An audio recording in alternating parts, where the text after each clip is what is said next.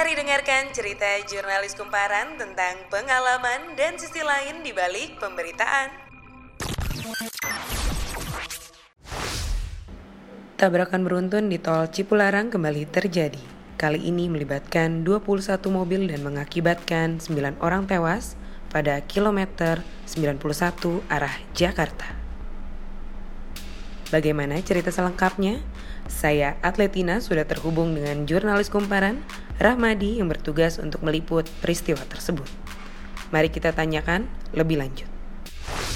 Halo Mas Rahmadi, uh, boleh dijelaskan kapan tepatnya kejadian ini berlangsung? Jadi kejadian ini itu berlangsung pada hari Senin lalu tanggal 2 September 2019 sekitar pukul 13 00 WIB atau sekitar jam 1 siang. Dan sebenarnya bagaimana kronologis kejadiannya? Jadi kalau misalkan dari hasil keterangan polisi itu mulanya uh, ada sebuah truk yang melaju secara beriringan dari daerah Padalarang hendak menuju ke daerah Karawang.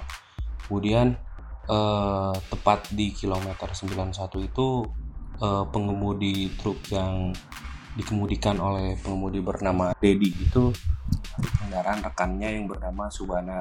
Nah, si Dedi ini kemudian mengabarkan kepada Subana kalau remnya itu mengalami blong. Nah, si Subana terus mengejar rekannya untuk memberi pertolongan. Namun setibanya di lokasi ternyata sudah mendapati truk yang dikemudikan oleh uh, Dedi ini rekannya sudah terguling. Dan di situ antrian kendaraan uh, yang disebabkan oleh adanya truk terguling itu cukup panjang.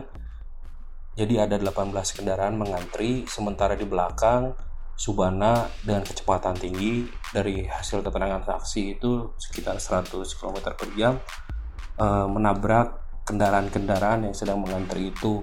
Diduga sementara itu penyebab Subana tidak bisa mengendalikan kendaraannya karena muatan dari truknya ini yang berupa tanah ini melebihi kapasitas sehingga fungsi rem itu tidak berfungsi dengan baik. Oh oke okay, oke. Okay. Uh, jadi bisa anda gambarkan nggak kondisi pasca kecelakaan di lokasi? Adapun di uh, kalau misalkan di lokasi kejadian tadi pagi terpantau polisi sudah melakukan olah TKP di lokasi selama sekitar dua jam sejak pukul setengah sepuluh. Nah uh, nantinya hasil olah TKP itu akan dijadikan sebagai bahan untuk mengungkap perkara dan menetas sekaligus menetapkan siapa tersangka dalam peristiwa tersebut. Nah, adapun eh, mobil-mobil yang terlibat kecelakaan kemarin termasuk truk itu sudah dievakuasi ke daerah Jatiluhur.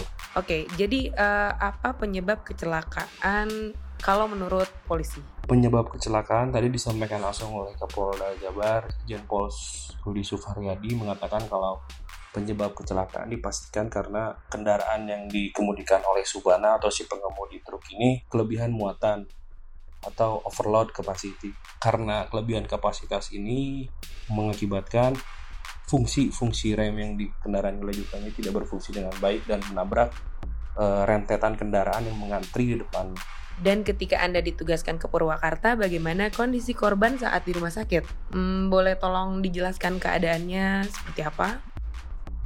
Dari pantauan di Rumah Sakit Tamrin Purwakarta barusan masih terdapat tujuh korban laka lantas yang mendapatkan perawatan di sana. Uh, secara fisik, kondisi mereka berangsur-angsur sudah membaik. Dan juga ada sekitar 13 orang yang sudah diperbolehkan untuk pulang atau rawat jalan. Sementara tiga lainnya dirujuk ke rumah sakit lain Adapun uh, di rumah sakit Tamrin sendiri ada masih ada empat jenazah yang belum teridentifikasi karena mengalami uh, luka bakar yang sangat parah dan mereka sudah dirujuk ke rumah sakit Kramat Jati. Oke, okay. dan bagaimana dengan supir truk tersebut? Apakah ia selamat atau untuk supir truk yang dua supir truk yang sebelumnya melaju secara beriring-iringan dari Padalarang menuju Karawang ini satu truk yang berada di depan yang terguling itu atas nama Dedi Hidayat itu meninggal dunia di TKP karena dia terjepit oleh kendaraannya yang terguling. Sementara uh, satu lagi yang dikemudikan oleh Subana uh, Subana sendiri selamat dan sempat menjalani perawatan di Rumah Sakit Tamrin, Purwakarta. Oh oke, okay. uh, dan bagaimana dengan keadaan korban sampai saat ini? Untuk total ada berapa korban dengan luka-luka ataupun meninggal dan apakah semua korban sudah teridentifikasi? Dari hasil pantauan sekitar tujuh korban masih dirawat di Rumah Sakit Tamrin. Mereka uh, kondisinya ada yang dirawat di rumah ICU, uh, ada yang dirawat di masih mendapat perawatan di ruang ICU dan juga tapi se secara secara fisik semuanya berangsur-angsur membaik. Sementara uh, sekitar ada tiga korban laka lantas yang di sebelumnya sempat dirawat di rumah sakit Tamrin sudah dirujuk ke rumah sakit lain. Sementara sisanya sekitar 14 orang ini sudah apa diperbolehkan untuk pulang. Sekian dulu pembicaraan kami seputar kecelakaan maut di tol Cipularang kilometer 91 arah Jakarta. Ikuti update selanjutnya dengan mengakses kumparan.com. Saya Atletina pamit undur diri. Sekian dulu podcast kali ini. Agar tidak ketinggalan podcast seru selanjutnya, follow Spotify kita, Cerita Kumparan.